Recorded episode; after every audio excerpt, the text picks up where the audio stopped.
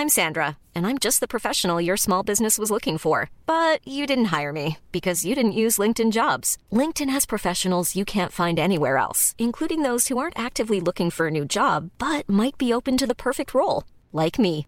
In a given month, over 70% of LinkedIn users don't visit other leading job sites. So if you're not looking on LinkedIn, you'll miss out on great candidates like Sandra. Start hiring professionals like a professional. Post your free job on linkedin.com/people today. Hello? Podcast Network Asia. Haga logo, segemu gua ga. Sekarang podcast cuma sharing udah bergabung dengan podcast Network Asia. Akan ada banyak hal-hal menarik yang akan gue sharing di sini. Jadi jangan pernah bosan dengerin Sarah sharing terus. Haga logo, segemu gua ga. Apa kabar kalian yang lagi dengerin ini? Semoga sehat-sehat ya. Selamat hari Sabtu, selamat malam minggu. Saatnya dengerin segmen curhat bareng Sarah. Selalu jijik deh gue sama openingnya ya Allah.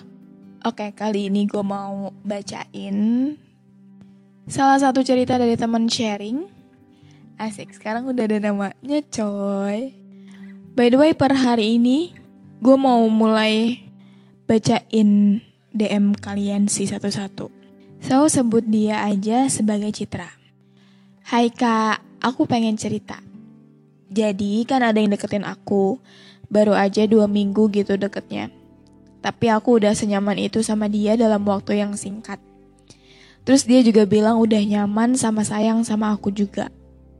Tapi nggak tahu bener nggak tahu enggak. Dia perlakuin aku juga kayak pacar gitu. Terus kalau ke mana-mana dia suka bilang. Kalau apa-apa suka bilang. Terus aku kan percaya nggak percaya sama omongan dia. Aku pernah bilang kalau dia banyak ceweknya. Dia nggak terima kalau aku bilang gitu. Terus dia marah. Terus dia bilang dia ngerasa nggak pantas buat siapa-siapa. Di situ kan aku nggak enak ya. Terus aku tanya sama dia, jadi maunya gimana? Dia jawab, aku mau kamu, aku mau perjuangin kamu. Terus aku jawab, berjuang tanpa kepastian. Terus habis itu, si sender ini ngirimin screenshot chatannya sama si cowok. Yang terakhir kan si sender bilang, berjuang tanpa kepastian. Nah, terus si cowok itu bales, kamu minta kepastian. Gak kecepetan emang. Gak usah takut aku milih orang lain. Aku cuma minta kamu percaya itu aja. Tapi aku gak maksa kok. Tadi kan aku udah bilang di atas. Terus si sender bilang, bukan gitu. Tapi wajar gak sih nanya gitu? Lanjut, ya udahlah di situ aku percaya sama dia. Terus aku ajak dia ke rumah.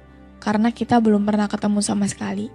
Dia mau ke rumah aku, terus dia datang ke rumah. Aku tanya dia, kalau aku itu siapanya kamu? Dia jawab, cewek aku. Gak boleh ada cowok yang deketin kamu. Katanya gitu. Terus aku bilang gini, bilang gitu doang gak berani ngasih kepastian.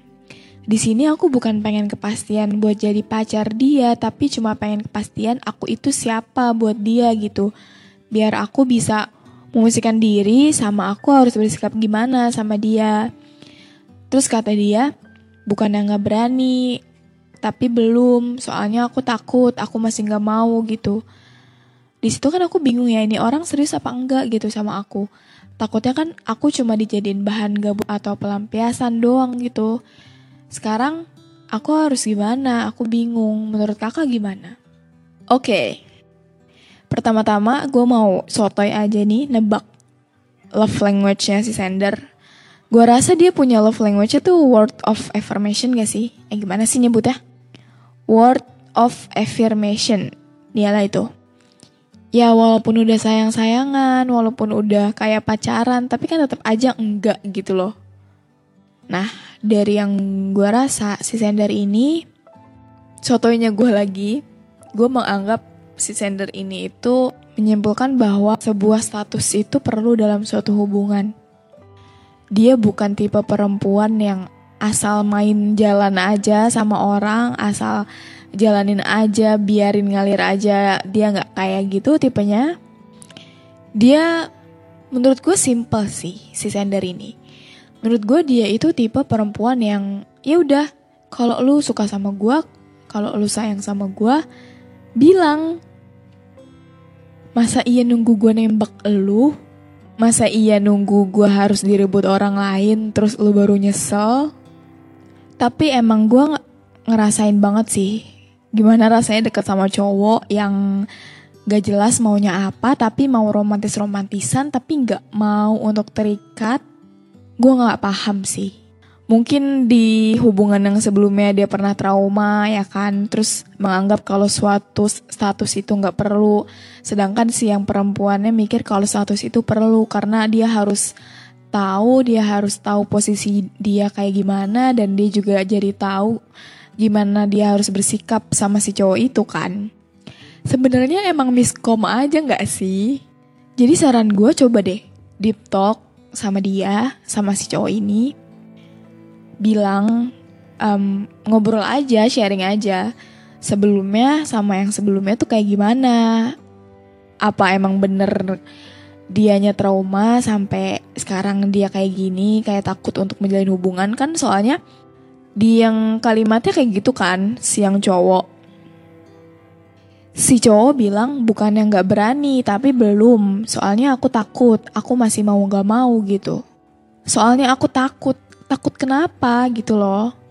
Takut bahwa percuma menjalin hubungan karena tahu nanti bakalan berakhir gitu. Aneh dong masa belum mulai tapi udah mikirin bakalan putus gitu kan? Gimana gitu ya? Sebenarnya gue juga sempat singgung masalah ini juga sih di episode yang HTS emang tipe-tipe orang yang kayak gitu tuh orang yang kurang ajar sebel gue. Maksudnya kayak dia takut gue berharap tapi dia naruh harapan gitu loh. Dia ngetrit gue baik ya mungkin emang itu dia orang yang kayak gitu ya. Cuma kan ya emang lagi-lagi berharap sama manusia itu adalah sebuah kesalahan ya guys. Karena ujung-ujungnya yang disalahin ya orang yang berharap nggak sih? Sedangkan dari POV kita tuh kita udah sebisa mungkin ya nahan untuk gak berharap. Kita udah sebisa mungkin nahan diri buat gak baper sama itu orang. Tapi itu orang kayak tahu kelemahan kita gitu loh. Kayak mancing terus. Aduh, sebel. Ya udah mungkin gitu aja sih respon gue. Dan saran gue juga semoga sender cepet obrolin deh ke si masnya yang ini ya. Tolong ya mas Tolong jangan buat si sender berharap. Tolong jangan buat sender baper. Kalau emang gak ada niat tulus dari awal ya. Jangan disakitin sendernya ya. Dan satu mas, denger. Kalau denger juga sih. Gue mau pesen kalau ya lu jangan ngalangin orang yang pengen masuk ke hati sender deh. gue jadi berasa emaknya sender anjir. Yaudah pokoknya gitu. Oke mungkin segini dulu aja episode curah kali ini. Buat kalian yang mau sharing bisa banget DM ke Instagram gue sarsara.h nanti gue bakalan pilih cerita yang mau gue sharing ke kalian. Oke. Okay. Dan buat kalian yang mau sharing bisa banget DM ke Instagram gue sarsara.h. Nanti bakalan gue biasanya kalau cerita yang mau gue bawain gitu ya entah itu minggu depan atau mungkin gue deadline besok gitu gue bakalan respon DM kalian sih. Gue bakalan izin dulu yang pastinya. Oh ya terakhir. Semoga kita doain semoga si sender cepat-cepat dikasih kepastian. Oke? Okay? oke okay, have a nice day everyone. Dadah.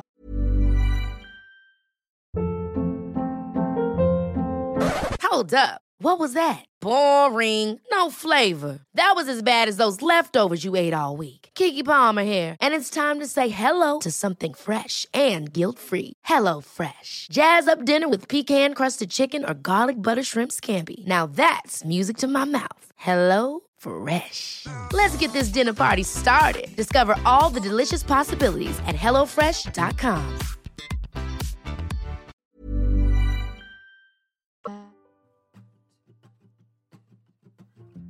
Pandangan dan opini yang disampaikan oleh kreator podcast, host, dan tamu tidak mencerminkan kebijakan resmi dan bagian dari podcast Network Asia. Setiap konten yang disampaikan mereka di dalam podcast adalah opini mereka sendiri dan tidak bermaksud untuk merugikan agama, grup etnik, perkumpulan, organisasi, perusahaan, perorangan, atau siapa pun dan apa pun.